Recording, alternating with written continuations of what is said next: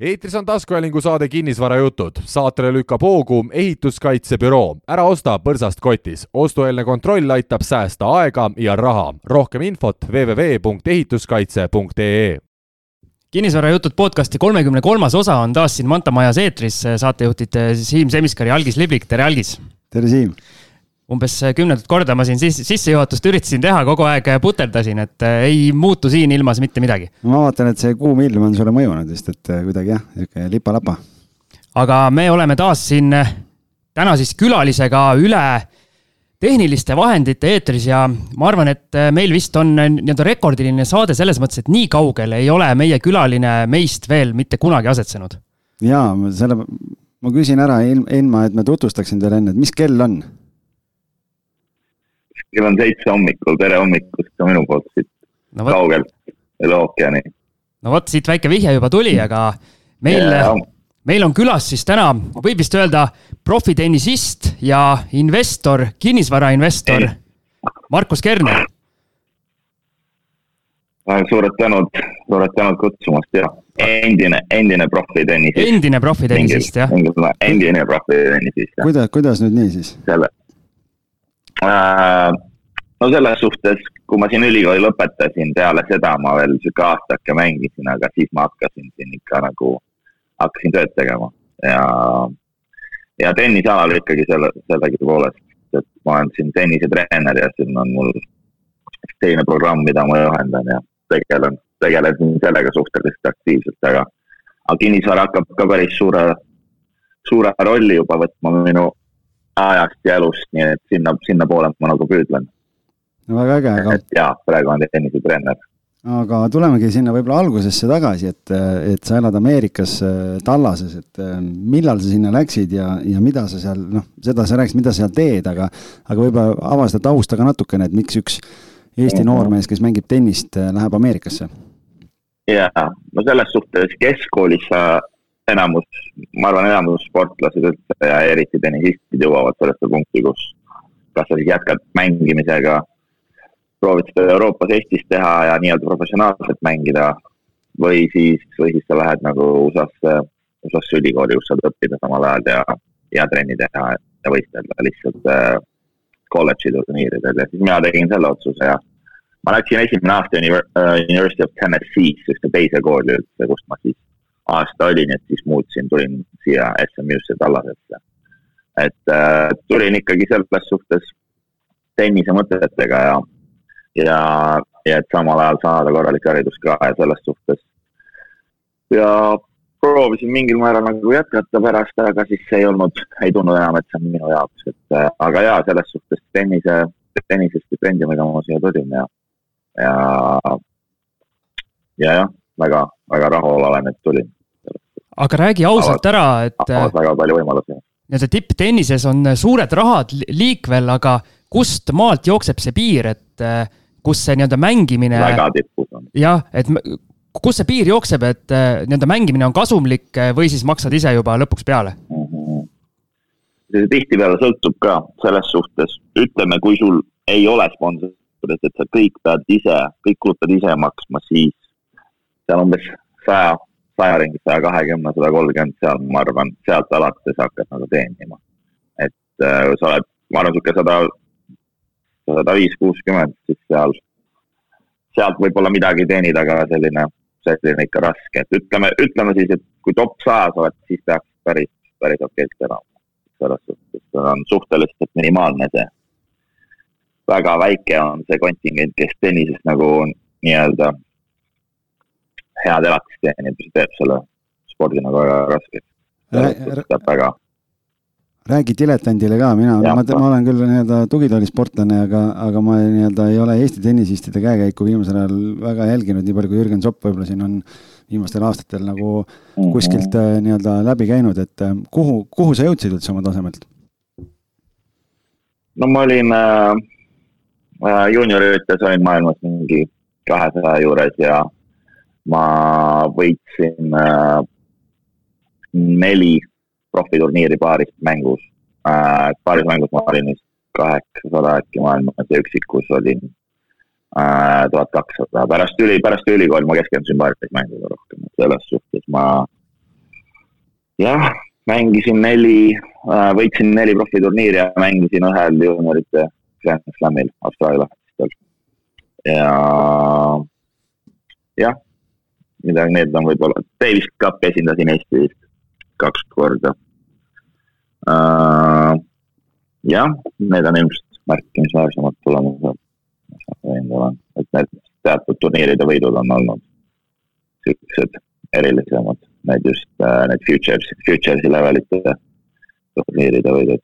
kui me nüüd. nagu nii-öelda siis uh, uh, see on uh, nagu profi, profitennise nagu kõige, kõige, kõige madalam, kõige madalam tase aga kui me nüüd läheme spordist edasi just sinna investeerimise juurde, et millal äh, see, mhm. see valdkond sinu jaoks alguse sai ja kuidas sa nii-öelda lõpuks kinnisvara juurde jõudsid või oli kinnisvara kohe see esimene valdkond, kuhu sa näpu mhm. sisse pissid? no mu, no selles suhtes minu isa on tegelenud terve elu kinnisvaraga ja, ja sealt sai see pisik külge nagu, et selles suhtes ei olnud nagu otseselt seost, aga kui ma nüüd tagasi mõtlen, siis kindlasti, kindlasti see nagu suunas mind äh, sinnapoole niimoodi mõtlema ja siis äh, ma arvan, et mingil määral ka teatud inimesed, kelle ümber ma siia nagu sattusin, suunasid mind äh,. nägin, kuidas siin asjad käivad ja kuidas, kuidas toimib ja kuidas inimesed investeerivad ja, ja tegelikult algas kõik, kõik algas, mul algas ta börsil, ehk siis ma hakkasin siin noh, USA indeksitesse investeerima ja USA, USA börsil ja siis, ja siis äh, kinnisvara, kinnisvara kuidagi, kuidagi ausalt öeldes iseenesest hakkas külge ja mulle just nagu Eesti, Eesti tundus nagu atraktiivne, kui ma nagu oma esimese korteri ostsin. et see oli äh, see oligi jah, see oli Uues Maailmas, Uues Maailmas kaks tuhat kaheksateist aastal. ja jah, ma arvan, et see on, see on äh, kombinatsioon nende, nende inimeste ümber, kes sa oled ja siis äh, tekkisid võimalused nagu läbi selle endal neid asju hakata tegema okei okay,, sa juba ütlesid, et esimene kinnisvara investeering oli kaks tuhat kaheksateist ja, ja uue maailma piirkonnas, et äh, räägi natuke lähemalt sellest yeah. esimesest tehingust, et mis sa ostsid ja, ja, ja mida sa mäletad sellest esimesest -huh. tehingust? see oli uue maailma kakskümmend üks oli ja ma, ma, ta oli, maksis sada kolmteist tuhat ja, ja ma ostsin, ostsin ta ta oli selline, ma tahtsin alguses, et oleks selline hästi mugav ja turvaline, ta on uuem maja ja et ta oli, no korter ei olnud nagu midagi erilist tegelikult, aga ta oli selline hästi hea koht, hästi hea maja, sihuke selline lihtne diil.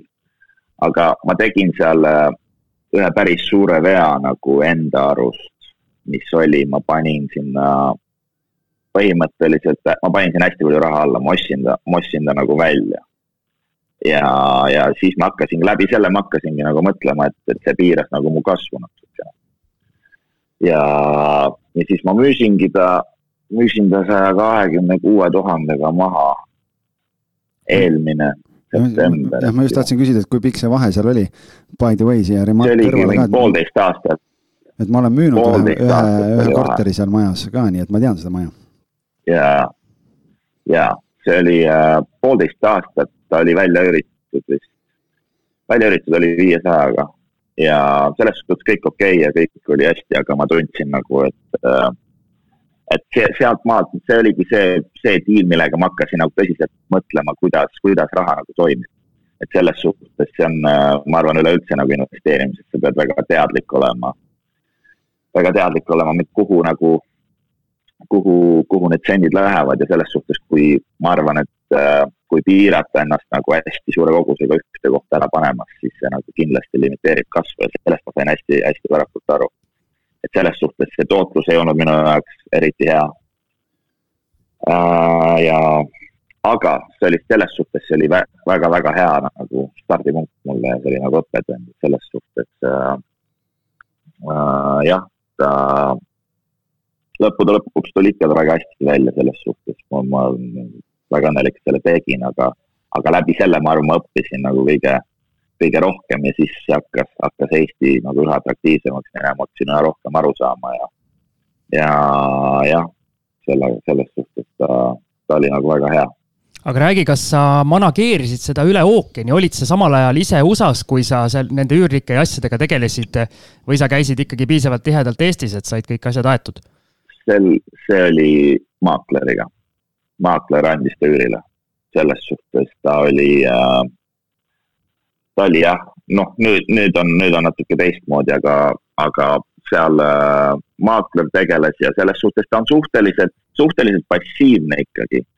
see protsess, kui ütleme, kui sul on valmis korter, selles suhtes seal ei ole, noh, selles suhtes arved saadan mina välja ja igakuiselt, aga ei ole nagu erilist äh,, erilist manageerimist, et selles suhtes teeb see selle elu suhteliselt kergeks nagu.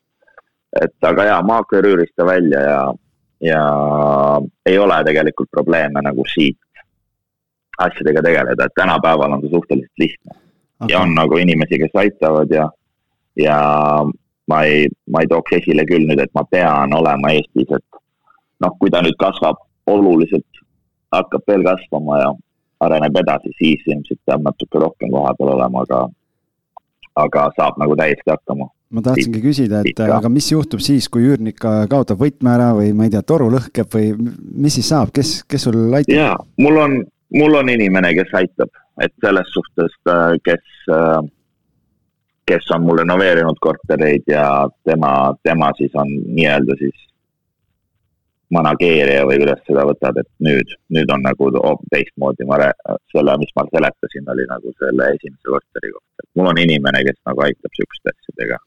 ja jah, see on selline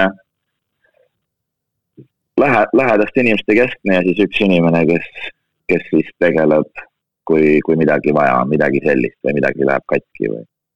et äh, ja selles suhtes manageerija on nagu olemas aga kui sa nüüd selle esimese korteriga said nii-öelda selle õppetunni kätte, et sa ütlesid, et noh, et, et panid liiga palju raha sisse ja nii edasi, et kui suur su portfell täna on?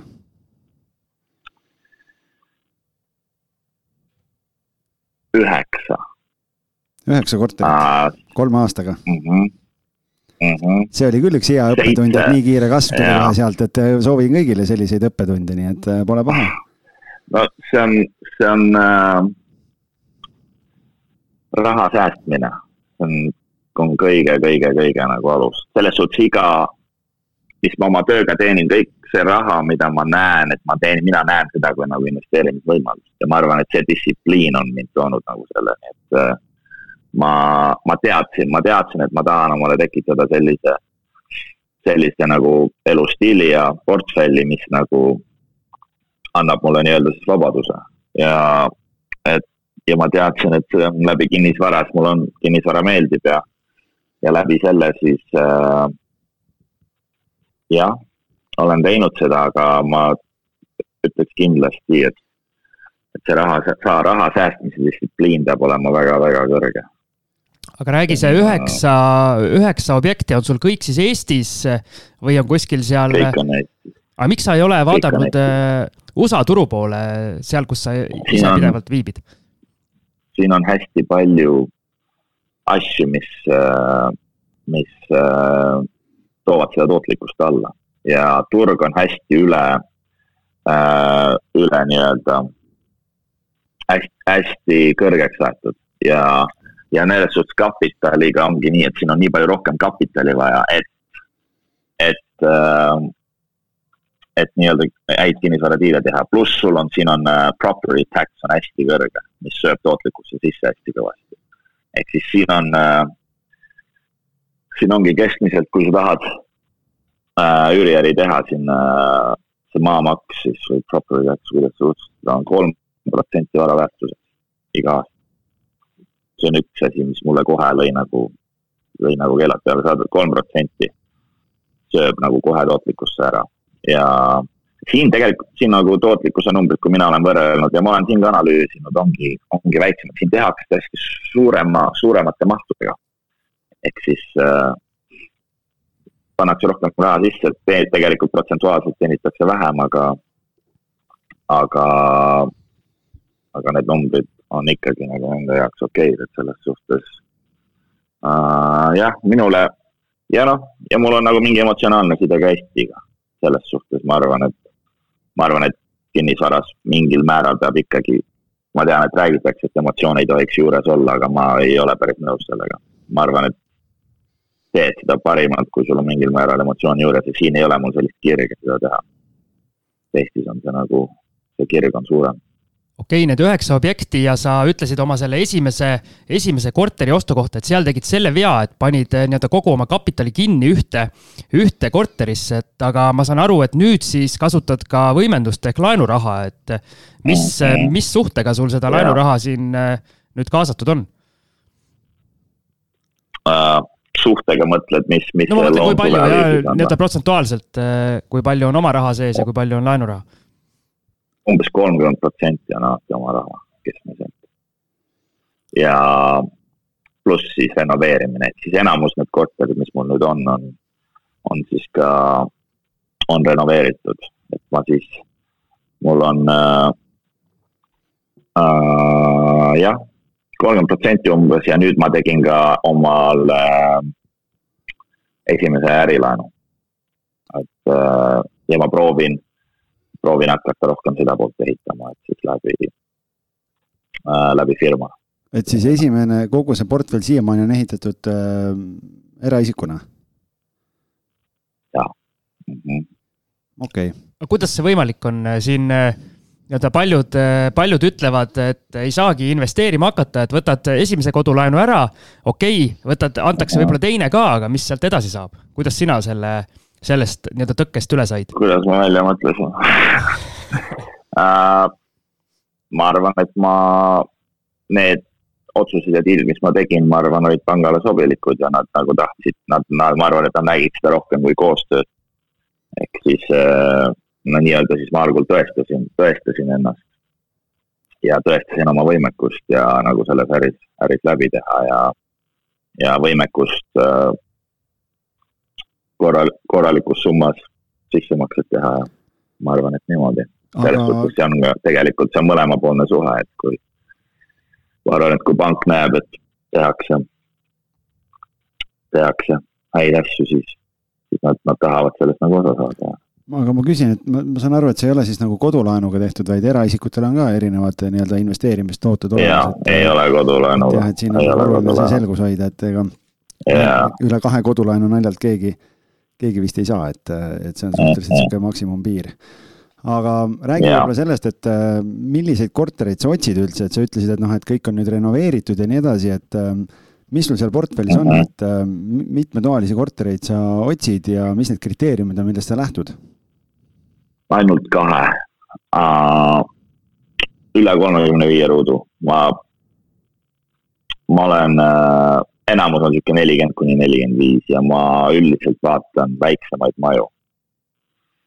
ma põhimõtteliselt, ma otsin potentsiaali, ehk siis ma, kui ma vaatan isegi mingit vanat maja ja kui ma näen, et kui sa selle maja teed korda ja, ja noh, korter ise teeb nagunii korda, aga kui selle maja ja selle ümbruse, ütleme, ja see, ja see asukoht areneb, siis, siis seal ma näen nagu potentsiaali. et paneelikaid ma väldin ja üldiselt on nad siuksed korda tehtud puumajad äh, või kivimajad. Ja üks on siukse uuemas majas ka.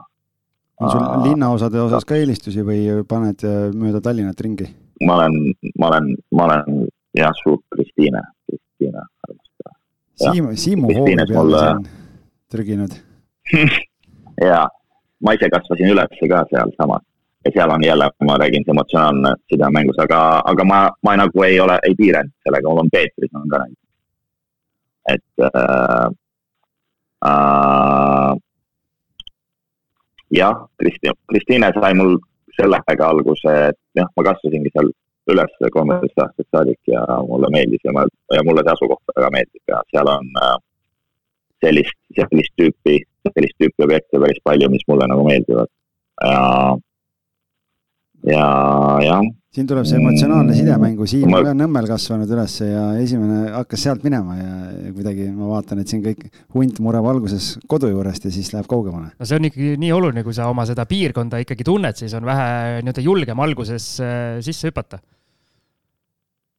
jaa no, kindlasti. mul Assamaa. ma, ma, ma, seal on ainult. jaa, ma olen, ma olen, ma olen näinud küll neid ütlemisi ja asju, et ma arvan, et emotsionaalne side on tegelikult väga tähtis, selles suhtes sa ei tohi nagu võib-olla kinni hoida teatud asjadest, kui sa seda teed, aga, aga ma arvan, et see, kust sa tuled, võiks olla küll mingi emotsionaalse taustaga, kinnisvaras ka. selles suhtes läbi selle on palju lihtsam nagu ka teha neid asju ja mul on, mind on see kindlasti aidanud, ma alati vaatan enda järgi ka, mis mulle endale meeldib.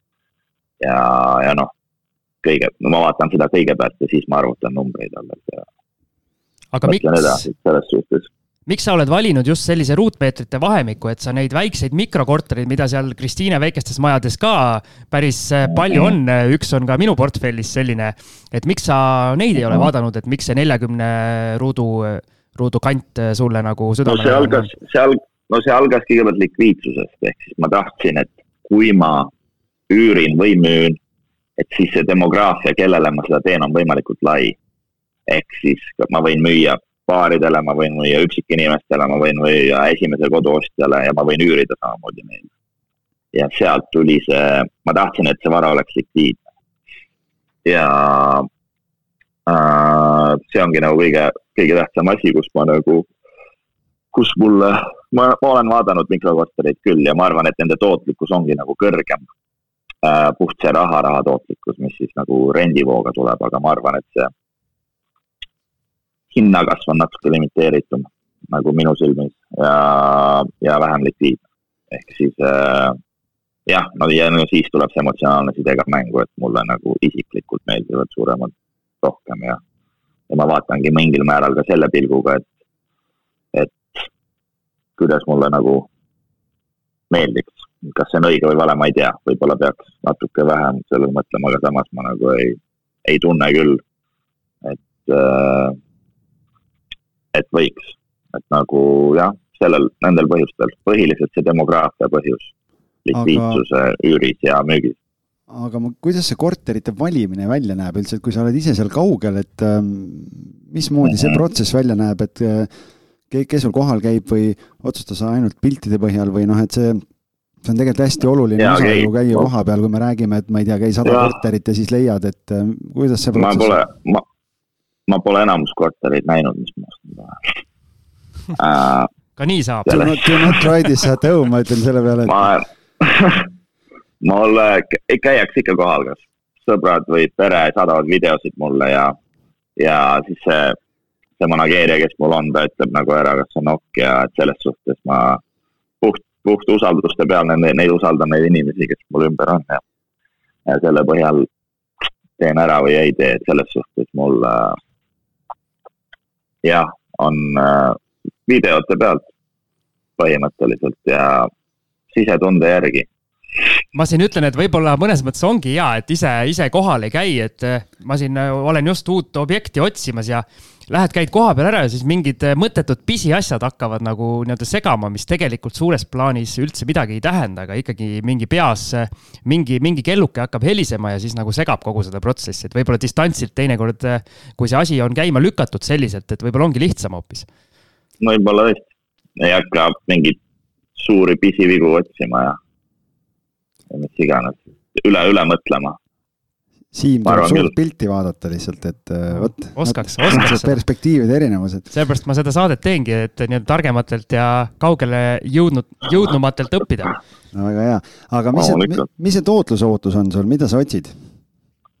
no oma raha tootlus sihuke üheksa ja viieteist vahel. see on ka päris suur erinevus. ma arvutan, eh, ja on küll, seal on, äh, vaata, see on see asi, kui sa renoveerid siis sa paned oma kapitali rohkem sisse ja selle võrra tootlus läheb natuke alla. aga selle võrra on sul nagu seal kasumistub vahel suurem.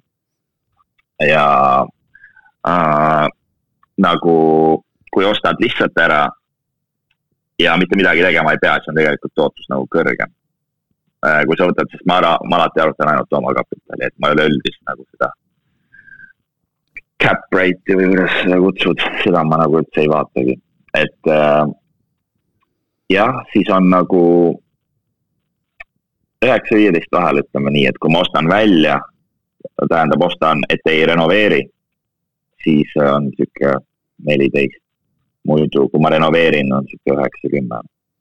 et äh, aga samas sul, sul on kasum nagu seal suurem ja, ja, ja seal on võimalik ka refinantseerida hiljem ja selles suhtes siukseid, siukseid asju teha. see on nagu, mul on, ma olen ühe korra juba refinantseerinud. et su portfelli su portfell on siin äh, kiirelt kasvanud, kas sa praegu ka otsid äh, aktiivselt midagi ja praeguses nii-öelda, nagu meil siin igast äh, nurgast öeldakse, et selline kinnisvarabuum meil siin Eestis on, et kas on sinu no, sinu nõudmistele vastavat objekti üldse leida praegu? natuke raskem, aga ikka on. Ma just nädal tagasi ostsin ja, ja ma, ma vaatan hästi pikka joont selles suhtes ma ei taha olla müüja, absoluutselt. mul ei ole, mul ei ole nagu huvi selle vastu, mul on nagu huvi selle ehitamise vastu ja, ja kui sa vaatad, kui sa vaatad pikka perspektiivi, siis äh, enamus aegadel, kui sa ostad, on turg selle kõige kõrgemas punktis. selles suhtes ma just lugesin mingi äh,, oli mingi statistika ma täpselt ei mäleta, aga saja aasta jooksul vist kaheksakümne viiel aastal on turg oma kõige kõrgemas punktis. ehk siis mingi äh, ajastamisega sina nii-öelda tegelema ei hakka, jah? ei ma, vaata, kui sa ostad pika aja jooksul ja sa ostad kõrgematest ja madalamatest punktidest, siis see nagu see keskmine lööb ikka välja selline, et kui sa üks hetk müüd, siis see on ikkagi nagu väga kasumlik. vaata, kui sa kui sa, see on sama, kui sa nagu ostad aktsiat oma teel alla ja siis sa ostad, ostad, ostad, siis ta läheb üles tagasi, siis sa oma, oled oma keskmise hästi palju ikka alla saanud, et selles suhtes seda ei saa. mul oli ka, kui ma alustasin sellega, mulle kogu aeg räägiti liiga kõrge, liiga kõrge, alati on see jutt. et äh, nii sa ei saagi, sul on alati põhjust, miks mitte osta.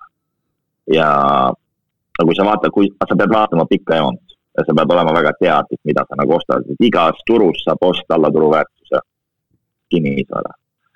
ja kui sa oled sellest teadlik nagu, mis sa ostad ja kuhu sa ostad ja siis äh, ja vaatad pikka joont, siis, siis see, mina ei näe sellest üldse probleemi, et nagu turg on kõrge. Ja ütleme, et käib, lähebki alla, siis mis seal ikka, selles suhtes ei ole ju mingit, kui sa oled pikka aega seal sees, siis majanduse käik on ju selline, et ikka lõpuks nagu asjad arenevad ja läheb üles-tagasi, et äh, jah. selles mõttes sama juttu ju tegelikult rääkis Ergo Mõttus kolmekümnendas saates, et noh, et kolleeg tal rääkis, et kogu aeg, et on nii kallis, nii kallis, Priit Pedanik käis kolmekümne esimeses saates, ütles, et iga kord, kui ta on ostnud, iga kord on see tunne, et no jumala kallis on, et kogu aeg on kallis mm. -hmm. et no eks ta tegelikult ajahorisonti aga see on alati nii.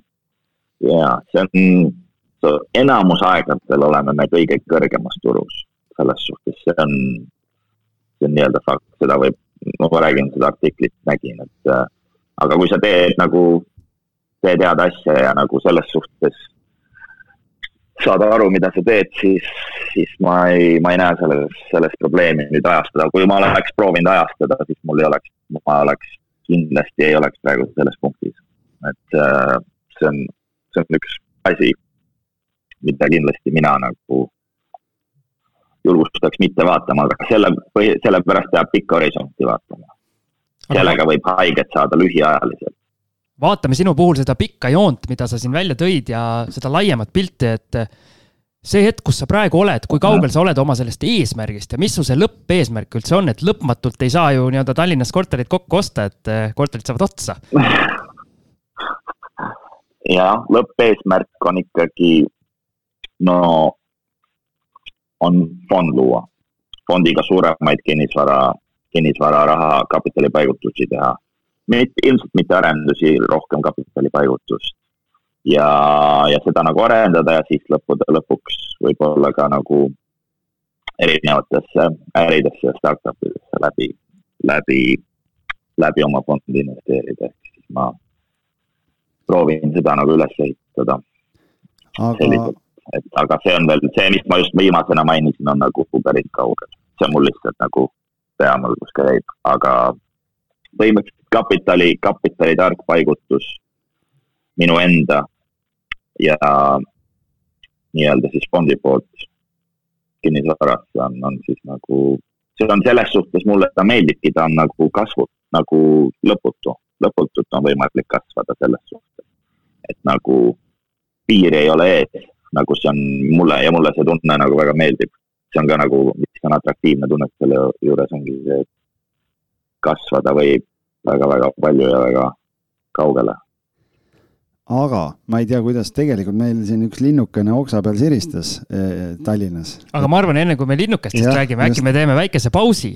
ei, ma just tahtsingi öelda, et üks, üks linnukene siristas siin, et tegelikult selle fondiga on juba üsna, üsna aktuaalne teema sul, nii et äkki me jah, teeme väikese pausi ja ja kui me tuleme pausilt tagasi, siis enne, me saame rääkida. enne kui ma Algise ja meid kõiki pausile luban, ma tegelikult tulen nii-öelda natukene rohujuure tasandile tagasi, et äh, ma, ma, ma ikkagi tahan üürnike kohta ka küsida, et mul endal üks äh, väike probleem siin üürnikega just äh, lahendamist on vajanud või vajab praegusel hetkel ja, ja mina tahan sinu käest küsida, kui sa distantsilt äh, seda asja ajad ja sul on inimesed, kes välja annavad üürile. kas sina teed selle lõpliku otsuse, kes sinu korterisse elama tuleb ja kui teed, et äh, mille järgi sa seda valid ja kas sa oled mõne üürnikuga nii-öelda näost näkku pidanud kohtuma ka? olen, ühe ma andsin ise, kui ma Eestis olin ja, ja, ja ma ma alati räägin selle üürnikuga ära nagu selles suhtes, mul on need inimesed, keda ma nagu usaldan ja nemad nagu nii-öelda siis panevad asja positsiooni, kus siis äh,, kus ma saan nagu hea otsuse teha ja selles suhtes ma räägin üürnikuga ise ja, ja ma arvan, usaldan sisetunnet tihtipeale nagu, aga ma tahan, et see oleks äh, selles suhtes äh, jah, ma põhiliselt tookski välja, ma nagu usaldan sisetunnet ja ma räägin nende inimestega ja, ja mul on, jaa, põhimõtteliselt see ongi kõik ja mul on väga hästi läinud, et inimesed on väga rahul olnud ja, ja minul on väga okei okay,, et ma tahan, ma tahan, kui nad tule, üüri, üürima tulevad, ma tahan, et neil oleks võimalikult hea kogemus sellega, et see on nagu väga, väga tähtis asi mu jaoks samuti, et selles suhtes, kui sa näitad, ma arvan, et äh, see see lugupidamine on nagu vastupidine, et kui sa näitad neile head lugupidamist, oled vastutulevik ja, ja soovid nagu parimat, parimat pakkuda, siis nad on tihti üldiselt vastu ka, vastu ka niimoodi. Ja mul on nii kõik nii juhtunud, et ma olen tihtipeale läinud oma tee pealt, tee pealt nagu ära, et neil oleks, et neil oleks nagu, neil oleks võimalikult, võimalikult meeldiv kogemus seal ja ja nii on alati, nii mul ei ole absoluutselt mingit probleemi. et sul Aga sellist, ütleme siis ikkagi sellist hullumeelset lugu rääkida ei ole, nagu meil siin Priit Pedanikul, kellel lõbumaja üürikorterisse püsti pandi, et midagi sellist pole olnud, jah? no mitte, et ma teaks, jah. no sa veel ei tea, vaata sul paari aasta pärast. aga kui, kui, kui, kui, kui on, siis jah, siis peab, ma kui su üürnikud vaid teaksid, sa seal kaugel maal oled kogu aeg ära, vaata küll siis oleks lihtne teha, on ju, aga, aga no loodame, et, et ei juhtu, loodame, et ei juhtu. aga räägi seda, et äh, mul nüüd äh, juhe jooksis täitsa kokku, algisel oli mingi küsimus äkki? ei, ei no selles mõttes, et selle üürniku koha pealt noh, et see kõhu... ma hakkan teil, ma hakkan teilt küsimusi küsima. kõhutunne on, äh, kõhutunne on nagu tore, aga noh, kas siis ainult ilusatest silmadest ja voolavast jutust piisab või ikka nii-öelda teed muud protseduurilised käigud ka ära? ei no, selles suhtes ikka vaatad, mis, mis tööd inimesed teevad ja nagu kuidas on, mis see, mis eelnevalt on olnud, et siuksed asjad ikka vaatad üle ja tihtipeale Eesti nii väike, on ühiseid sõpru ja, ja, ja aga noh, selles suhtes töökoht ja kus varem elasid, kus inimene varem elas ja, ja ja sihuke nagu ikka elementaarsed asjad nagu kontrollin, kontrollid nagu ära ja, ja, ja siis jah, siis. et mul tuli see küsimus meelde, mis ma, mis ma tahtsin sult küsida, et äh, sa enne ütlesid, et sa oled nõus äh, nii-öelda üürnikule vastu tulema igatpidi, et tal oleks hea olla, aga on sul mingid nii-öelda mm, -hmm. nagu see populaarne sõna on, need punased jooned ka, et näiteks kui ikkagi üürnik kogu aeg hakkab võlgu jääma, et kus sa, kus sa lõpuks äh, selle joone ja. maha paned? või ütled, et ah, peaasi, et sul mõnus on jah, mul ei ole niisugust kogemust veel olnud. Ja ma väga loodan, et seda nagu ei tule, aga ma ei, noh, selles suhtes ma läheks ikka lepingupõhiselt nagu, et äh, lepingupõhiselt, kuidas kirjas oli ja selles suhtes, kui võlgnevus on ja, ja mis iganes, siis äh, vastavalt sellele nagu käituks, et äh, aga jah, mul tõesti ei ole nagu halba kogemust olnud et ma arvan, et, ma arvan, et äh, jah, ma loodan, et ei tule ka, et mul on väga raske sellest rääkida, ma ei no väga hea, ega ei peagi, see on tore, see on positiivne. mul on tunne, et äh, meie saate kuulajad ja investorid peaks palkama Markuse endale üürnike valijaks, et kui ei ole sellise korterite arvu puhul ühtegi, ühtegi sellist isegi vähe negatiivsemat kogemust, siis äh, ütleme nii, et midagi või enamus asju sa teed ikka päris õigesti, tundub. jah, ja ma arvan, et see tuleb ka, jah, see tuleb kvaliteetse kinnisvara ostust ja kvaliteetse teenuse pakkumisest, et ma arvan, et äh, ma arvan, et noh, see on asjade kombinatsioon, et selles suhtes loomulikult päris, päris kõhutundega nagu kõike ei saa teha, aga ma arvan, et äh, algusest peale nagu avatuse ja austuse näitamine on nagu suur, väga suur asi. aga noh, jah, tihtipeale ei pruugi ka sellest piisata, ma ei, ma üldse ei ütle, et kui sa seda teed, siis nagu ei, ei juhtu, võib ikka, ma ei, ma ei tea. aga, aga ma nagu jah, jah. no ma siis, siis äh, loodame, et sul nii jätkub ka, noh, ega see on, see on tore, noh aga mind äkki ka huvitab hästi palju see teema, kust ma enne tahtsin siin seda pausi teha, sellepärast et äh, ma tahaks hästi kaevata nüüd sinna sisse. oota, aga teeme pausi ära, jah? vaadata seda suuremat pilti, et ma ütlen jah, et teeme, teeme siia vahele väikse kõlli ära ja, ja siis kaevame juba sinna fondi ja sinna suurema raha poole ja räägime sellest, et äh, mis sul seal toimub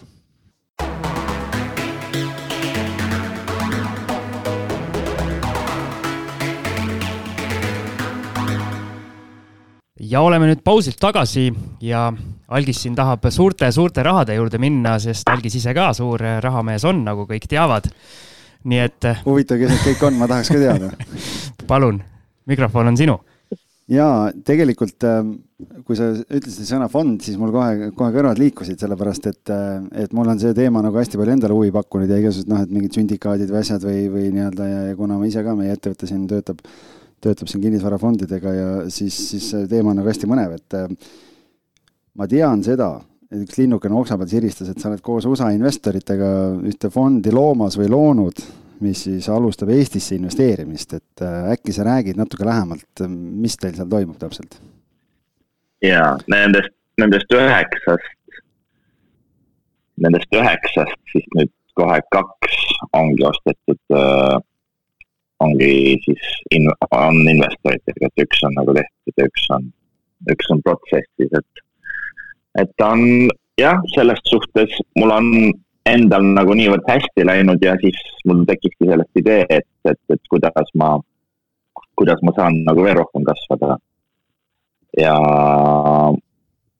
ja see on äh, atraktiivne nii minu kui siinsete investorite jaoks ja ja, ja sellega põhimõtteliselt tuligi sellest, et, et enda, endal on väga hästi läinud ja, ja kasvu, mis, mis võimalusi on nagu edasi kasvada. et äh, aga kuidas sa seda, äh, kuidas sa seda neile välja pakud, on see mingi noh, ma ei tea, private equity fund või, või mis, mil, mis deviisi all sa seda raha sinna kaasa teed? see on, see on, see on, see on private equity jah. põhimõtteliselt on äh, noh, need on esialgu praeguse seisuga ei ole see veel institu-, institutional ehk siis nad on äh, inimesed, kes eraisikuna tahavad investeerida ja sellest mul ei ole veel nagu palju. aga mul on nagu, põhimõtteliselt see on hästi alguses, see on veel praktiliselt olematu, aga ta on äh, mõne, mingil määral nagu jalga alla võtmas jah, et äh, ta on private equity, kes siis tegutseb. ta on äh, niimoodi, et Eesti ja USA firmal on firmade vahe investeerimisleping ja siis äh, äh, põhimõtteliselt USA firma siis vastutab investorite eest ja Eesti firma vastutab siis äh, ostmise eest ja manageerimise eest. et äh, selles osas midagi keerulist ei ole, siis peavad nagu lihtsalt sealt lepingud hästi paigas olema, et sellest ei ole vahet, kust, kust keegi pärit on, et kui me räägime fondi fondi äh, nii-öelda tegemisest, need on üldiselt ongi alati rahvusvahelised ja seal on lihtsalt, lihtsalt on äh,, lihtsalt on maksuteema, et sa maksad, siis sa pead äh, teadma täpselt, kuidas äh, maksustamine toimib erinevates riikides. see on see teema, kus, mis on kindlasti vaja selgeks teha, aga noh, teil ilmselt nagu rahvus, rahvusvahelisel, rahvusvaheline teile see teema ei ole nagu, et, et see on rohkem mulle, aga seal ei ole ka nagu selles suhtes midagi keerulist. et aga räägi seda. kuidas maksustamine käib kuidas sa mm -hmm. nii-öelda ameeriklasest investorile lähened, et oletame, sul on vaja mm -hmm. raha kaasata e, nii-öelda erarahana või eraisikult ja sa hakkad rääkima, et jaa, me, meie fond investeerib kuskil Eestis, et see asub seal ja seal ja ameeriklane ütleb selle peale what ja -hmm. läheb minema või sul on mingi spetsiaalne no, sihuke nii-öelda liftikõne selleks ette valmistatud? šarm, šarmiga tennisereketiga. ei äh,, jah põhimõtteliselt küll jah, see on äh,, ma müü-, mitte ei müü, vaid kui see müügi ob-, objekt, kuidas sa ütled seda, siis on äh,, ma arvan, et see ruum kasvada, ehk siis kuidas ma nagu räägiks, on, et Eestis on ju, Eesti on ju nii noor tegelikult, kapitalism on olnud Eestis kolmkümmend aastat. et see on nagu, sellega ma räägin, nagu me rääkisime sellest pikaaja investeerimisest ka, siis ma arvan, et Eesti, Balti riigid on hästi atraktiivsed nagu. sest kui sa vaatad igale poole ümberringi lääne kultuuridesse, kui palju arenenum on ja kui palju kõrgem on selles suhtes. Need hirmud, mis tunduvad praegu hirmutavad, ei ole nagu tegelikult, kui sa vaatad ümber, üldse hirmutavad numbrid. ja ongi sellist, sellist kasvupotentsiaalikat kohta, mis on väga kõrge haridustasemega ja väga innovatiiv, innovatiivsete inimestega ja, ja üha rohkem tõmbab ligi ka, ka tugevat rahvusvahelist tööjõudu.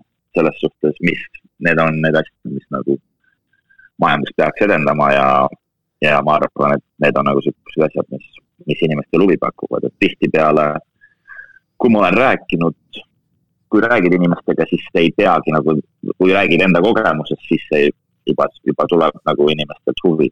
selles suhtes see, noh, nagu ma rääkisin, enne USA, noh, USA-s on ka kindlasti kohti, kus, kus, kus, kus on sellist potentsiaali, aga, aga see kasvuruum, ma arvan, et on Eestis väga-väga suur. aga kas seda ameeriklased ei karda? Kas seda ameeriklased ei karda, et me ikkagi elame sellises kohas, kus Vladimir Putinile külla sõitmine võtab vähem kui pool päeva ja ütleme nii, et korter ja kinnisvara on selline asi, mida selga ei võta, kui mingiks jamaks läheb, et kas seda, seda juttu ei teki investoritega? Putin tuleb, võtab ära korterid ja no näiteks. võtab, võtab raha üle ise. onu Katja tuleb no ma tegelikult, ma korra täpsustan või täiendan veel Siimu küsimust ja sorry, et ma torkan vahele veel, et noh, tegelikult, et ma küsiks siia juurde jah, et üks asi on see nii-öelda poliitiline pool või see noh, nii-öelda teatud kuvand kindlasti, mis on ju jäänud ajaloost nii-öelda. -hmm. ja, ja, ja võib-olla kui sa selle ära räägid, võib-olla kohe sinna juurde selle ka, et noh, et et ikkagi see mastaapsus, okei okay,, üks on nagu tootlus, aga me räägime sisuliselt, no sa oled nagu tallases, et see on nagu üks mingi tallase, üks, mõni plokk või, või ma ei tea, väike eeslinnakene tallasest umbes, mis mastaabist me nagu räägime, et noh, et et mulle tundub nagu, et mingi suure riigi investorile, kas see nagu, et kuidas see nagu atraktiivne on, et, et, et väga äge noh. et ta on, no vaata, noh, selles suhtes ta on atraktiivne, kuna nad, nad teavad sellest läbi minu kogemuse, aga see, kelle jaoks see on atraktiivne, see on, see on ju nii, niivõrd väike number inimesi. selles suhtes mul ei ole mul ei ole mingi ulmeliselt palju inimesi, kes seda nagu teeks, see on selline, selline suhe, kes siis, kus nagu usaldatakse ja kus nähakse ka seda potentsiaali, et see on selle kombinatsioon. et ei ole nagu vaja väga, ei, ei olegi mõtet tahta nagu väga palju inimesi, kui võimalik. et tihtipeale on vaja, siis on vaja, aga, aga vaata USA-st, USA-t on nii raske nagu üldistada, isegi tallast, et siin on noh, inimesi on nii palju erinevaid, kes mõtlevadki nii, et Putin võtab korterid ära. ja kes siis, kes siis, kes, kes ei mõtle nii. Siim kardab seda kogu aeg, Siim ei saa magadagi öösel, sellepärast ta tegelikult ütles oma hirmu välja lihtsalt. ega jah, see on äh,, Siim võib, võib, võib-olla tulebki võtab, noh, ega me siis me oleme ka algisel otsapidi tallases. siis me tuleme tallasesse ja, et siis me teame, kellele helistada vähemalt. jaa aga kuidas, sa rääkisid seda, et nii-öelda USA pool on ettevõte, kes tegeleb siis nii-öelda investeerimisega ja Eesti-poolne ettevõte tegeleb selle management'iga, et ähm, on see saladus ka, et äh, mis see management fee või success fee või, või kuidas see mudel sul on üles ehitatud, et äh, mida sa võtad selle töö eest, mida sa teed? no see on äh, ja no, no mingil määral ikka on saladus, jah selles suhtes. siin saladusi ei ole. aga noh, selles suhtes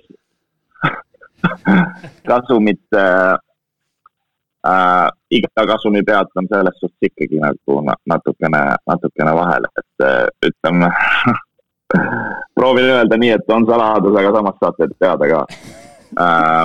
no see äh, no selles suhtes ta on, ta on, ta on ainult nii, et mida mida, mida paremini investoril läheb, seda paremini minul läheb.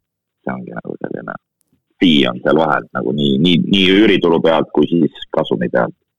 ja äh, jah no ma lihtsalt taustaks kuulajatele, et ise nii palju, kui ma olen raamatuid lugenud või erinevaid mingeid Youtube'i kanaleid vaadanud selle kohta, siis reeglina toimivad need niimoodi, et, et seal see nii-öelda äh, manage-, lubatakse investoritele siis, ma ei tea, kuus, seitse, kaheksa protsenti tootlust, mis iganes, ja siis, siis see tulujaotus või kasumijaotus on seal niimoodi, et et on nagu erinevaid mudeleid, et võetakse mingi management fee ala on kaks protsenti, üks-kaks protsenti, mõned fondid toimivad niimoodi, et et ei ole ühtegi protsenti, vaid lubataksegi, et et me maksame kaheksa protsenti välja ja kõik, mis sealt üle läheb, siis seda me jagame, ma ei tea, kas viiskümmend, viiskümmend, seitsekümmend, kolmkümmend, lähtuvalt niimoodi, kuidas investoritega see, see leping on tehtud, et, et ma sellepärast küsisin. jaa, kaks ja kakskümmend on tihti see jah. Uh,, kaks on siis management fee ja, ja kakskümmend on siis nagu kasumist, aga siis niisugune asi nagu preferred return on ehk siis, mis sa just seletasid. Et investorid saavad preferred return'i, mis on siis kaheksa protsenti, mis iganes juhtuks, saavad kaheksa protsenti ja mis üle selle siis läheb kas siis, see on waterfall'iks kutsutakse. ehk siis äh, mida, mida kõrgemaks kasum läheb, seda rohkem teenib kas nii-öelda see general partner, see fondi juht, ehk siis kui ta läheb üle, üle kaheksa, siis saab kakskümmend protsenti, kui läheb üle kümne, siis saab kolmkümmend või nii edasi ja kuni viiekümne, viiekümneni välja, üle viiekümne ma ei tea, et oleks üle viiekümne, viiekümne läheks. Aga jah, selles suhtes umbes nii ta ongi nagu, midagi sellist, et, äh, et jah, kergelt teistmoodi, aga jah, üldpildis, üldpildis umbes nii ta välja tuleb. Nii, väga hea, mulle pakub te, teine asi, mis mul pakub huvi, on see, et noh, meil on siin viimaste aastate jooksul on Eesti rahandusturgu kõvasti raputanud erinevad äh, rahapesuskandaalid, mis meil siin olnud ja, ja täna ka, kui nii-öelda kinnisvaras käia või noh, tehingus käia ja kõik peavad ju täitma seda raha päritolu mhm. ankeete ja asju ja kõike seda poolt, et ähm, kuidas nüüd Eesti riik vaatab sellele USA-st tulnud rahale, et kui hull kadalipp või bürokraatia see on olnud, et te oleks, et te olete selle poole nagu läbi teinud? no selles suhtes see ongi nagu see USA firma vaata ja, ja, ja selles suhtes investoritel on, selles suhtes peavad olema teatud dokumendid, mis näitavad, millega need tegelevad ja põhiline on ju ikkagi see, et nagu maksud on maksud ja, ja, ja siis ongi sul nagu töökoha ja nii-öelda siis informatsioon investori kohta ja, ja siis äh,, ja siis ongi selles suhtes see USA firma on nüüd vastutav, mis toimub, et see, see USA, USA firma võtab selle vastutuse nii-öelda investorit üle. ja, ja jah, selles suhtes on elementaarsed dokumendid, millega nagu inimesed tegelevad, et äh, mis nende töökoht on ja, ja jah, nii-öelda siis raha päritolu. selles, aga ma räägin, ma, ma tean seda, see ei ole veel olnud, see ei ole nagu veel äh, nii-öelda siis päris reaalsuseks saanud aga ta on, on nagu iga hetk ilmselt saamas. et siis mul on ka nagu rohkem rääkida, aga see on nii lapse kingades alles, et, et äh, aga ma tean kogu seda informatsiooni küll ja ma tean seda protsessi, kuidas seda nagu, kuidas seda läbi viia, et selles osas, selles osas jah äh,. aga jaa, kindlasti on juba minut, on minul isiklikult läinud palju raskemaks, kui ma ise olen ostnud. mul on väga igasugused ankeedid ja kõike peab peab väga täpselt tõestama, aga selles suhtes mul ei ole, see on nagu lihtne. aga ma torkan korra siia vahele, et, et kui nii-öelda algis küsib nii-öelda tarku ja selliseid edasijõudnud küsimusi, siis ma tulen sellise maalähedasema teema juurde tagasi, et räägi, räägi mulle kui sellile, sellisele diletantidele nendes fondi asjades, et kui palju sul rohkem on tööd selle fondi asjaga nii-öelda kinnisvaraportfelli kokku pannes versus siis oma, oma portfelli nii-öelda edendades, et mitu korda rohkem sul tööd on? fondiga on ikka rohkem kindlasti no see ülesehitamine nagu oli oluliselt raskem, aga siis sa pead, noh, siis sul on, äh, sa pead report ima, sa pead dividende maksma siis, kuidas äh,, kuidas iganes nagu investor soovib, kas siis kvartalis või kuus või. ja, ja äh, kindlasti on fondiga rohkem, iseendal, iseendal on kindlasti lihtsam, et see, et need äh, jah, põhimõtteliselt ma ei tea, ikka paar korda rohkem, aga see ülesehitamine just on, on nagu kõige raskem, siis sa pead leidma kapitali, mida kaasata. tuleb leida nagu investoreid ja, ja, jah, ikka kindlasti oluliselt rohkem on fondiga tööd, et see on ikkagi mingil määral sa ikkagi ju või noh, mitte ainult mingil määral, täielikul määral teed tööd, teed ikkagi tööd kellegi teise jaoks teenindad kellegi teise raha, selles suhtes ta on ikka hoopis teistmoodi kui enda raha teenindada või isegi panga, kui, kui pank on mängus, see on teistmoodi. mul on selle fondi loomise kohta, tegelikult seal on nagu kaks poolt ju, üks pool on see, et, et kust leida raha. Või kui on sõbrad näiteks, ma ei tea, või, või keegi tahab, ütleb, et kuule, et Siim, sul läheb nii hästi, et mul on ka raha, et äkki sa teed minu rahaga ka midagi. et see on nagu üks pool, aga teine pool on see, et kui siis see raha on olemas et siis on vaja seda know-how'd ka, et kuidas selle rahaga ümber käia ja kuidas seda fondi üles ehitada, et äh, kust sul üldse see mõte tekkis või kust sa seda peab... infot oled võtnud ja õppinud, et, et see endale selgeks teha? siin mul on, see on mul ka tulnud suuresti nende inimeste ümber, kes, kes ma siin olen. ma, ma tunnen inimesi, kes manageerivad sada, sadade, sadade miljonite fonde siin Ameerikas. ja nad on mul suhteliselt lähedased tuttavad. et äh, see tuli kindlasti ka mingil määral läbi selle. ja see keerukam asi ongi see, vaata, sa rääkisid sellest kasumist, et see on, äh, vaata, sul peab olema kasum veel suurem, kui sa tahad võtta seda, mis iganes kahte ja kakskümmend, kaks ja kakskümmend protsenti. et, äh, sest investor, investor tahab ikka nagu head teenistust saada, et kui sa niisama teenid kaheksa protsenti, võtad sellest kakskümmend, kakskümmend viis protsenti ära, siis, siis, siis viis pool kuus ei ole enam nii atraktiivne, seda nad saavad siin ka. et nagu äh, see raskem asi ongi see, et panna see nüüd niimoodi tööle, et, et siis nagu nii-öelda need töötajad ja see, need, kes seda fondi, fondiga tegelevad, on seda ruumi nagu võtta sellelt nii-öelda üle selle, üle selle kasumi. ja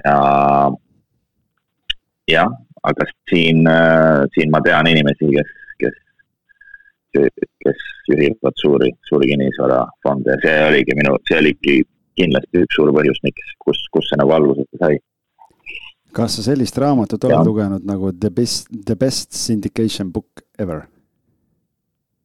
ei ole okei okay,, see räägib hästi palju sellest teemast, ma sellepärast oskan küsida neid küsimusi, et ma olen selle raamatu läbi lugenud mm, -hmm. kui kes, keda, keda huvitab. no selge, Algis siis... ühe raamatu pealt paugutab praegu. ei, ei noh, see, et siis keda see teema huvitab, siis The Best Syndication Book Ever soovitan lugeda, nii et, et see on hästi hea, see selgitab kogu seda fondide ülesehitamist ja, ja erinevaid yeah. võimalusi aga mul on üks selline põhimõtteline küsimus, natuke võib-olla sa seda puudutasid ka, aga räägi, kuidas sul nii-öelda emotsionaalselt endal on äh, need tunded, et äh, oma raha kaasamine või, tähendab, oma raha paigutamine korteritesse versus siis kellegi võõra raha kaasamine ja paigutamine, et kas äh, võõra rahaga on kuidagi nii-öelda närv, närv suurem ka, et asjad õigesti läheks?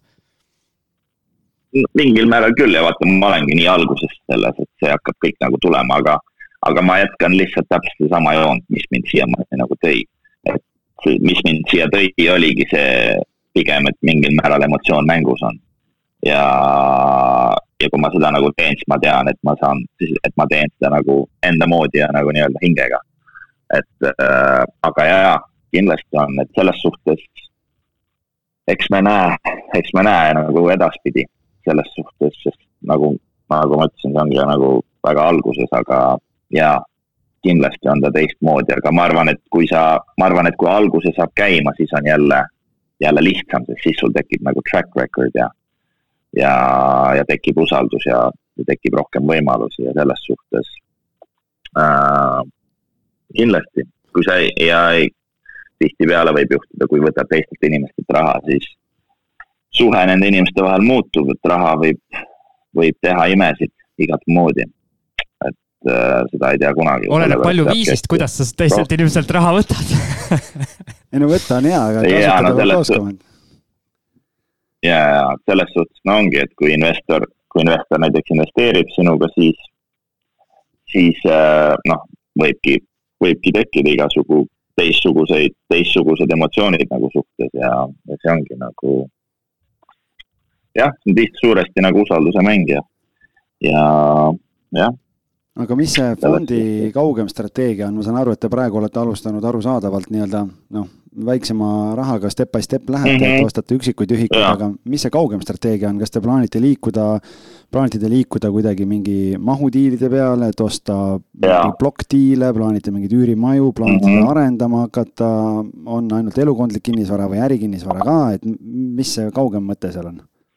see peab olema teatud spetsiifiline ärikinnisvara, et, et ma, ma, ma selles ärikinnisvaras ma nagu eriti, eriti tugev ei ole, ma ei tea sellest, aga, aga ta huvitab mind küll, aga pigem nagu üürimajad jah.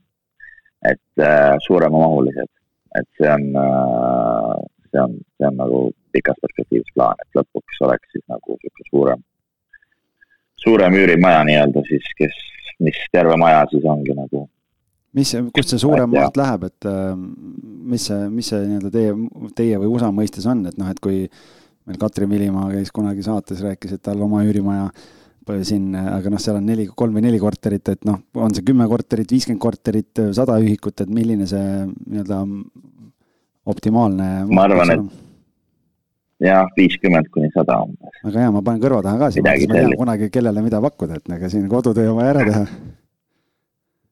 jaa äh, midagi sellist, no selles suhtes ma arvan, et see, kui see, kui sa, kui sa mõtled nagu, et kuhu, kuidas lõpuks võiks olla, et midagi sihukest.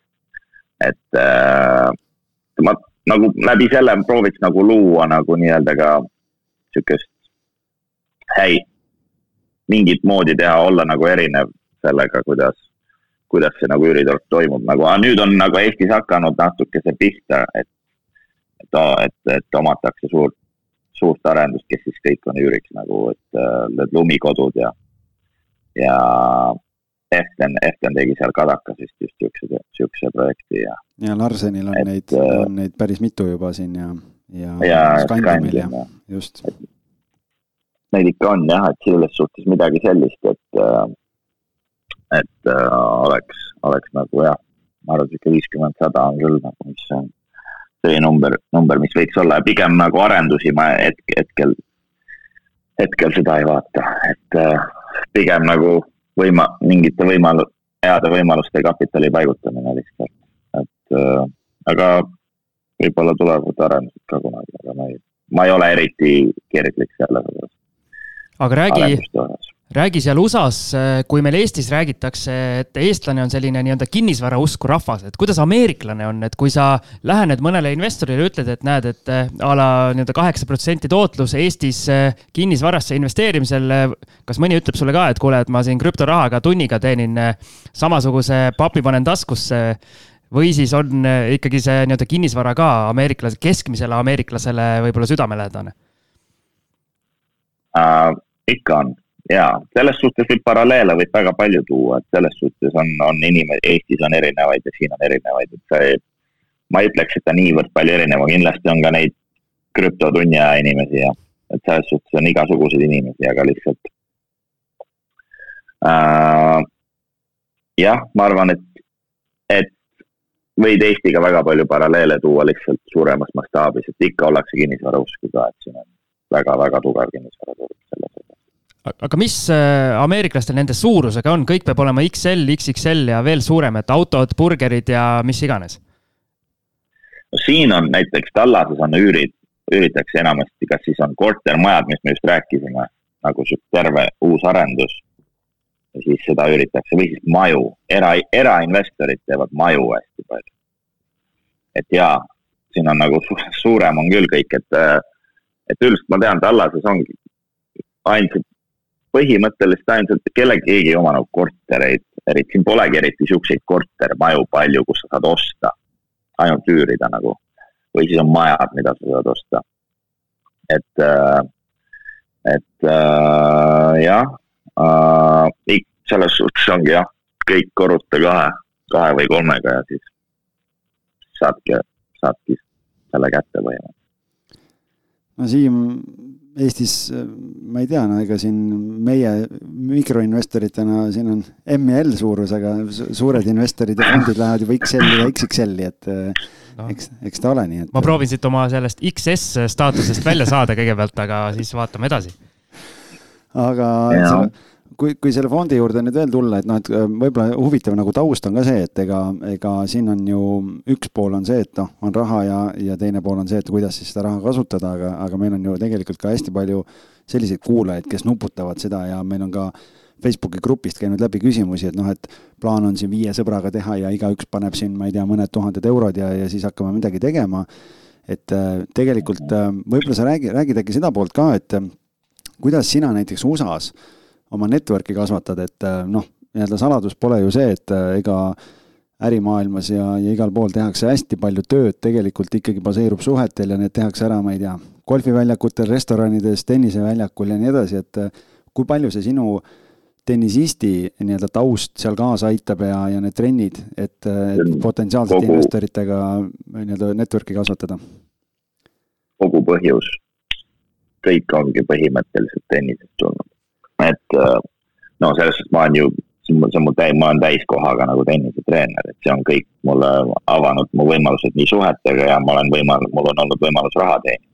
ilmselgelt on, on vaja mingit sellist baasi, et ja tennises ongi võimalik selliste inimestega tutvuda, kes on ka nagu, kellele meeldib investeerida ja kel, kes on, kes on sellisest maailmast huvitatud ja ja ma siiamaani töötan ju täiskohaga, et selles suhtes see ongi selline, no kuidas ma sellesse punkti olen jõudnud, ongi nagu hästi-hästi-hästi kõvasti tööd teha ja see võimalik kõik säästa, mis vähegi võimalik. Ja, ja läbi selle on tulnud need ideed, need suhted, need äh, kasvuvõimalused ja nagu, kui sa hoiad ise silmad lahti ja nagu hoiad silmad lahti ja proovid õppida ja millestki, mis sulle meeldib ja ja läbi selle, et tennis on põhimõtteliselt mulle andnud kogu, kogu mu nii-öelda baasi.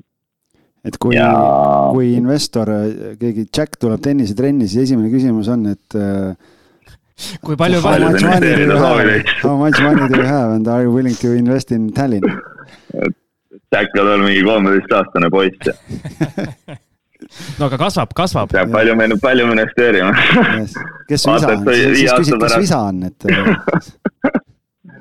ja ma jah, see on, ma võtan seda päris, võtan seda väga rahulikult ja ma ei, jah, selles suhtes, aga jah, tennisel on väga-väga suur mõju sa oled hästi mitu korda rõhutanud seda isiklikku säästmisvõimet ja kõike seda poolt, et äkki sa jagad kuulajatele seda ka ja, ja ütled, et äh, mis see säästmismäär siis on, et kui palju sina no minu, minu, suudad säästa? Ma arvan, sihuke seitsekümmend protsenti äkki või, kuus, seitsekümmend umbes. aga ma arvan, üks asi küll, mida ma tihti näen. ma ei, ma ei tea, mis teie sellest arvate, aga minu arvamus on nagu see, et kus inimesed tihti end lukku lükkavad, on see, et arvatakse, et oma kodu ost on kõige parem esimene investeering. minu jaoks on see täiesti, minu jaoks ei ole üldse õige. see on nagu äh, minu jaoks on nagu piiramine, kasvu piiramine, sest siis sa pead, kui sa, sa ostad selle kodus, sa, pead seda teenindama ja su, ja su äh, säästmisvõime läheb oluliselt madalamaks, kui sa üüriksid kuskil midagi, kus sa saad rohkem säästa. et äh, ma saan sellest fondist aru, miks arvatakse nagu nii, aga ma olen näinud ja nii palju inimesi, kes nagu teevad seda. ja kui sa oled tõsiselt motiveeritud, siis nagu mina alati tahtsin, et oleks niipidi, et need minu investeeringud lõpuks maksavad selle minu kodu eest.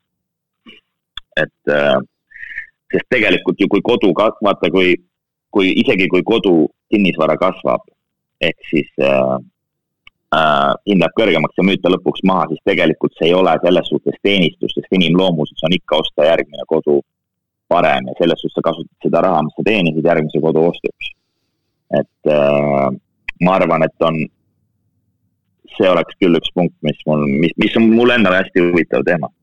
mina, ma olen kuulnud nagu seda mõlemat poolt. ühed arvavad, et oma kodu on nagu hästi hea esimene investeering, aga teised ei arva, mina näiteks ei arva. ma arvan, et sa peaksid elama niimoodi hästi oma võimete kohaselt ja hästi vaeva nägema ja säästma võimalikult, võimalikult palju ja siis investeerima ja see vaikselt, see ratas hakkab keerama, et siis lõpuks kasutada nii-öelda neid oma investeeringuid nagu oma kodus. See oli üks point, millele ma mõtlesin. küll nagu enne seda podcast'i, mis, mis on huvitav teema, et ma ei, ma ei tea, mis te sellest arvate. no see debatt käib siin mõlemal pool ookeani, ma arvan, ja igal pool, et äh, kas omakodu on investeering või ei ole, jah. seal õiget vastust ei ole ilmselt, et äh, see on jah. jaa, minu, minu arust see on põhiasi lihtsalt ongi see, et isegi kui kodu kinnisvararaha nagu kasvab, see ei ole tegelikult raha. Saad aru, sest sa, kui isegi kui sa müüd selle, sa selle raha eest ja ostad uue kodu ja ostad uue parema kodu.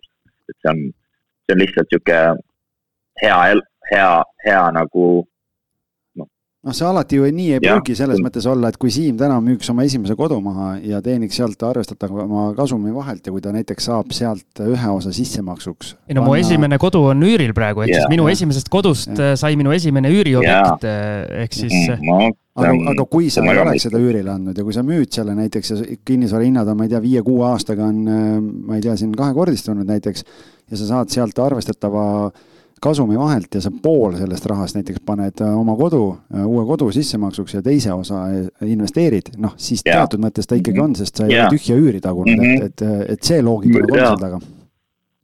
jah, ma saan, ma saan nagu mõlemast, mõlemast poolest aru, aga nagu minu, jah, kui no, mina nii, nagu peaks soovitama. ütleme nii, et kui see ainus kinnisvaraost ongi see su kodu, siis võib-olla see ei saa seda investeeringuks nimetama yeah., nimetada, aga kui sa koduasemelaenuga või eluasemelaenuga ostad endale kodu ja samas hakkad kõrvalt oma nii-öelda portfelli, portfelli ehitama, siis, siis ei saa ju midagi halvasti öelda, sest ütleme, Eestis on ikkagi yeah. hetkel see seis, et kui sa võtad kodulaenu, siis su need igakuised maksed on väiksemad kui üürides jah, aga ja. sul on sissemaksuraha, sa oled sisse pannud. seda küll, jah. seal on see vahe lihtsalt, et, et, et kui Markus investeerib selle raha, mis kodulaenul sisse läheb, tema paneb selle mingi investeerimisobjekti sissemaksuks et siis sina paned selle kodus no,. no vot, ehk siis, ehk siis debatt jätkub nii siin kui sealpool ookeani. sellepärast siin me võiks rääkima jäädagi, et äh, aga yeah., aga ma ei tea, Siim, on sul veel küsimusi? no ma ikkagi lõpetuseks, sa nüüd selle nii-öelda debati tõmbasid äh, selle nii-öelda oma kodu äh, kui investeerimisobjekt teemaga väga hästi käima, aga on sul veel alustavatele investoritele midagi, mõni, mõni näpunäide pakkuda, et saate esimesest osast mul jäi see ka meelde, et ikkagi hakake pihta, ükskõik mis faasis see turg on. et äh, ootamine on see vist äh, nii-öelda kõige kurja juur lõpuks. ajast ei, turg, turgu ei ole võimalik ajastada ja nagu ma olen maininud, meeletu säästmise võime. see on, see on niivõrd oluline asi. see distsipliin, distsipliin säästa raha. tegelikult, kui see, see, see, selle alustamiseks ei olegi nagu vaja ei ole vaja nii suurt teenistust, kui sa suudad seda õieti enda jaoks läbi mõelda. et see ei, kunagi ei tohiks mõelda nii, et mu palk ei ole nii hea ja ma ei saa seda teha. et äh, saab ja see, mida, mida, mida rohkem, mida rohkem sa suudad säästa ja, ja suudad alguse teha, seda rohkem hakkavad võimalused tulema. ja see ratas hakkab ise kogu aeg keerlema, et selles suhtes on vaja saada kuskile punkti, kus nagu äh,, kus sa oled võimeline algust tegema ja lihtsalt selle, selles distsipliinis püsima, et see on nagu, see on maraton see kinnisvara on pikaajamäng nii selles teenistuses kui siis selle nii-öelda ka kapitali kokkusaamises, et osta ja selles suhtes see on äh, äh, jah, ma ütleks, et säästmisvõime on nagu meeletult äh,, meeletult tähtis asi ja siis äh, jah, igasugused, ma olen suur pooldaja igasugust äh, noh, kui pankade kasutamist, pangad aitavad, aitavad kasvada ja, ja ja tihtipeale mõelda, noh, selles suhtes ongi, et äh, pangad tahavad samamoodi ju kinnisvaraturul olla nii-öelda kas siis nii-öelda investoritega ja kui sa neile tõestad seda, sa oled selles nagu, nagu hea ja, ja toimib hästi, siis pangad tahavad seda koostööd. ei ole nagu nii, et, et inimesed ainult tahavad pankasid, et äh, mm, jah, aga põhiline kindlasti meeletu, meeletu säästmise võime. Mingi, mingi aeg elus kindlasti. see on, jah aga.... see on nagu, ilma selleta on väga keeruline. aga suurepärane meie algisega väga-väga täname sind, Markus, et sa siin väga varajasel hommikutunnil enda jaoks meie selles mõttes rekordsaate tegid, et nii, nii kaugel pole külaline meist varem viibinud. ja nii varajasel kellaajal ka pole keegi rääkinud meiega. jaa, absoluutselt, et algis näiteks sellisel kellaajal ei suudaks üles ärgata, nii et. no vastupidi, ma olen siis juba, ma lähen ajan kuke ülesse ja siis, siis juba toimetan, nii et ega siin ei ole aega magada, elu vajab elamist aga meie siis ja. jätame oma kuulajad nüüd oma säästumäära kasvatama ja säästma. sulle soovime, Markus, kindlasti väga edu oma selle fondiga ja siis, kui algisel saab ka mõni teine raamat läbi loetud, siis võtame su saatesse tagasi ja vaatame, kuidas fondil läinud on. Siim, Siim ei ole peale rikas isa vaene isa ühtegi raamatut lugenud, selles mõttes nagu noh, tal on pikk tee minna, onju, aga noh, see selleks. Ja noh, mis ma tahtsin lihtsalt öelda, on see, et hoidke siis ikka USA investoritega hobuseid, et jätke meile ka midagi. Jah suur tänu teile. Väga,, väga-väga meeldib. Aga olgu, aitäh Siim sulle ka. ja aitäh, Algis. ja tõmbame joone alla. olge terved. kõike head.